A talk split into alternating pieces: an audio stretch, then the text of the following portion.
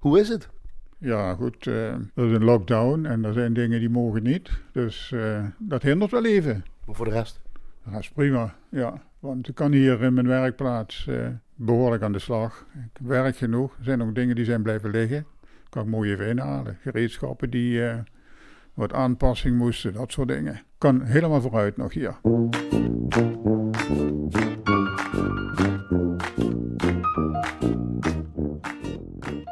Hier in Heerlen en omschrijf even wat we zien vanuit jouw werkplek, Jo. Wat ik hier allemaal zie, dat is eh, allerlei spullen om mooie gitaren te maken.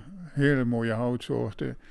Eh, werkplekken die eh, lekker zijn ingericht om goed te kunnen werken. Gereedschappen die heel netjes naast elkaar hangen. Ja, dat, Heel geordend. ja precies, daar hou ik van. En eh, het is allemaal onder handbereik. Dat, eh, ja, dat, dat moet voor mij zo. Hou je van die nauwkeurigheid? Ja, ik heb wel last van nauwkeurigheid, ja.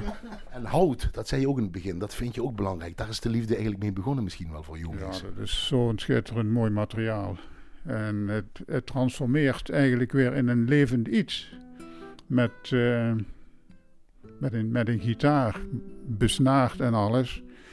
Ja, kun je eigenlijk eh, kun je ook spreken. De emoties van de speler, die, eh, die worden hoorbaar gemaakt met, eh, met een gitaar. Dus dat hout komt weer opnieuw tot leven. Het is een verlengstuk van, van, van de mens en zijn emoties.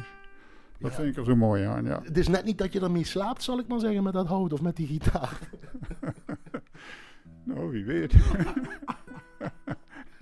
En de lichtinval is ook belangrijk voor jou. Je wil en natuurlijk licht, of alleen natuurlijk licht om zo'n instrument te maken. nou, het, ehm, het natuurlijke licht is het... eh, ja, daar kun je het allerbeste bij eh, zien. Kunstlicht, dat, eh, dat- dat, werkt niet. Ik, weet niet hoe dat technisch in elkaar zit, maar het gewone daglicht is eh, fantastisch om mee te werken. En dan is het ook goed als je een eh, werkplaats hebt waar het licht alleen van het noorden invalt. Als het van het noorden invalt, je hebt daar een raam bij je werkplek, dan heb je bijna de hele dag geen last van de zon. Als die op het noorden ligt. Want eh, de zon die draait van oost eh, naar west. En als je dan het licht op het noorden hebt, dat is wel heel erg plezierig. Ja. Want wat is er dan plezierig aan? Wat zie je dan beter? Wat kun je dan beter? Dat zijn gewoon de details. Je, je ziet veel scherper.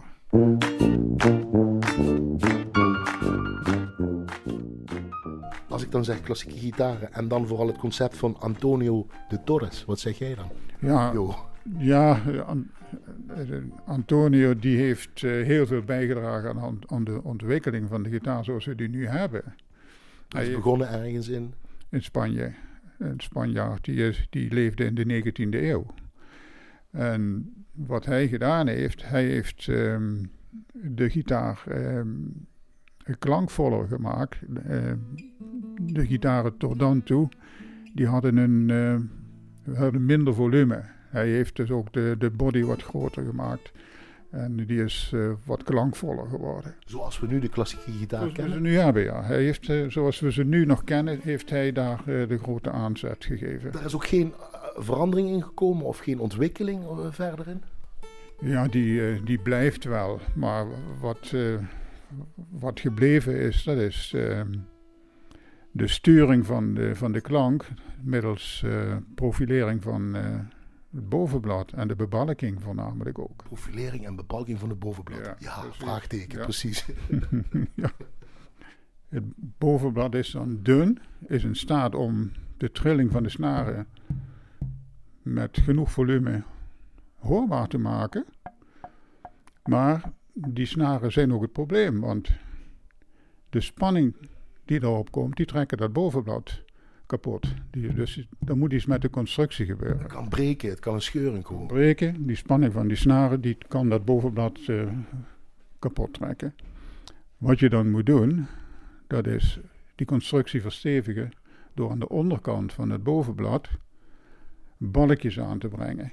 En hoeveel balkjes hebben we het dan over? Van die smalle strookjes? Dat is nou net het mooie. Die balkjes van hoe moet je dat doen, hoeveel, hoe dik.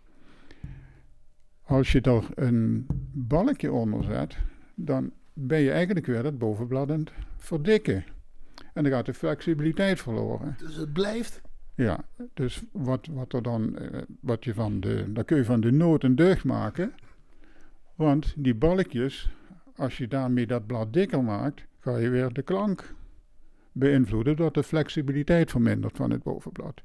En het mooie is nu dat je met het plaatsen van de balkjes op het bovenblad, de dikte enzovoort, kun je weer sturen hoe, dat, hoe de klank van het bovenblad gaat worden. Totdat je een gitaar hebt waarvan je zegt, wauw, dat is mijn sound. En wat is dan die meeste sound? Een warm geluid en een goede balans. Dat, uh, dat, en ja, dat kun je ook niet vertellen. Ik kan je ook niet vertellen hoe honing smaakt als jij het nooit gegeten hebt. Dat, dat kan niet. En dat is met mijn sound ook. Ik kan hem je wel laten horen. En de vraag is of jij dan hoort wat ik hoor.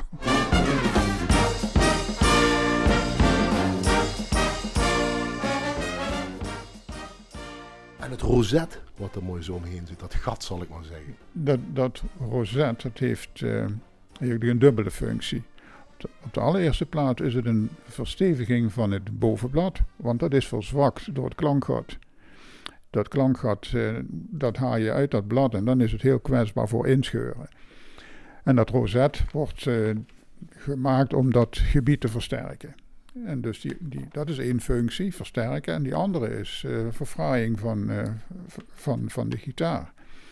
En dat was aanvankelijk dus alleen uh, versteviging, maar het is helemaal uitgegroeid tot een, tot een soort handtekening van bouwers vaak.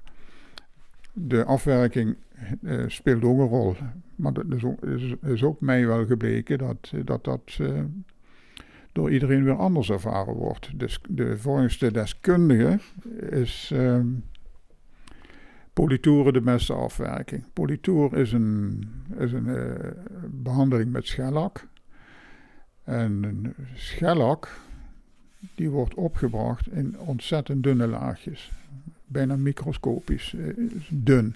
En dat betekent dat de flexibiliteit van het bovenblad, waar je naartoe gewerkt hebt, om die trilling goed over te brengen. Het belangrijkste deel van die gitaar. Ja, de souplesse van het bovenblad. Als je die gitaar met een lak gaat afwerken, dan ben je een deel van die flexibiliteit kwijt. En bij een gepolitoerd uh, bovenblad ben je zo min mogelijk van, uh, van je concept kwijt. En uh, dat, dat geldt over het algemeen als de beste afwerking.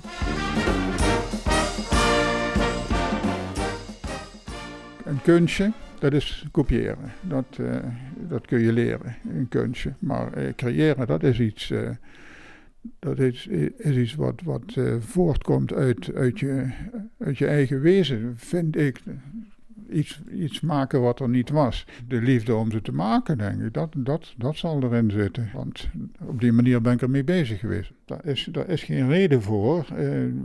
Ik heb het niet bedacht. Dat, uh, dat is me overkomen of, of zoiets. Dat is me overkomen. Ik ben in die richting gegaan. Dus ik had een oudere broer en die, die had een gitaar en die speelde daarop. En ik vond dat hij dat heel knap kon. En ik heb wel eens op onbewaakte ogenblikken dat ding ook uh, opgepakt. Dat heeft mij iets getriggerd en dat, dat was er dus al. Ja, moet je dat zeggen, dat, die, dat het in mijn DNA zat. Dus dat ik, dat ik iets met gitaren zou hebben. Wanneer is jouw meeste tevreden met zijn werk? Als die klaar is, dan ja, dat geeft een ontzettende voldoening. dan, dan, dan ben je blij mee. Dan zou je me liefst op je nachtkastje zetten en dan en dan elke keer als je wakker wordt, het lampje aanmaken en, en, en even kijken zo. Ervan van kunnen blijven genieten van uh, dan naar kijken wat, wat er uit je handen gekomen is op die manier. Als ik uh, daarmee bezig ben, dan kun je een kanon afschieten, maar dan, dan zit ik in het bouwen. En dat geeft blijkbaar zoveel voldoening. Ja, in dat moment zitten en, en, en samenvallen met, met, met, met ja, hoe moet je dat zeggen, je wezen. Dat, dat is dat. Waarom zal je dit vak altijd blijven uitoefenen? Omdat het me ontzettend veel plezier geeft. En uh, ik me niet voor kan stellen dat ik dat, ik, dat, dat, niet, meer, uh, dat ik dat niet meer heb. Het is gewoon zo'n... ja, dan is hij er nog wel, maar dan is hij niet meer compleet of zo. Ja, ja zoiets.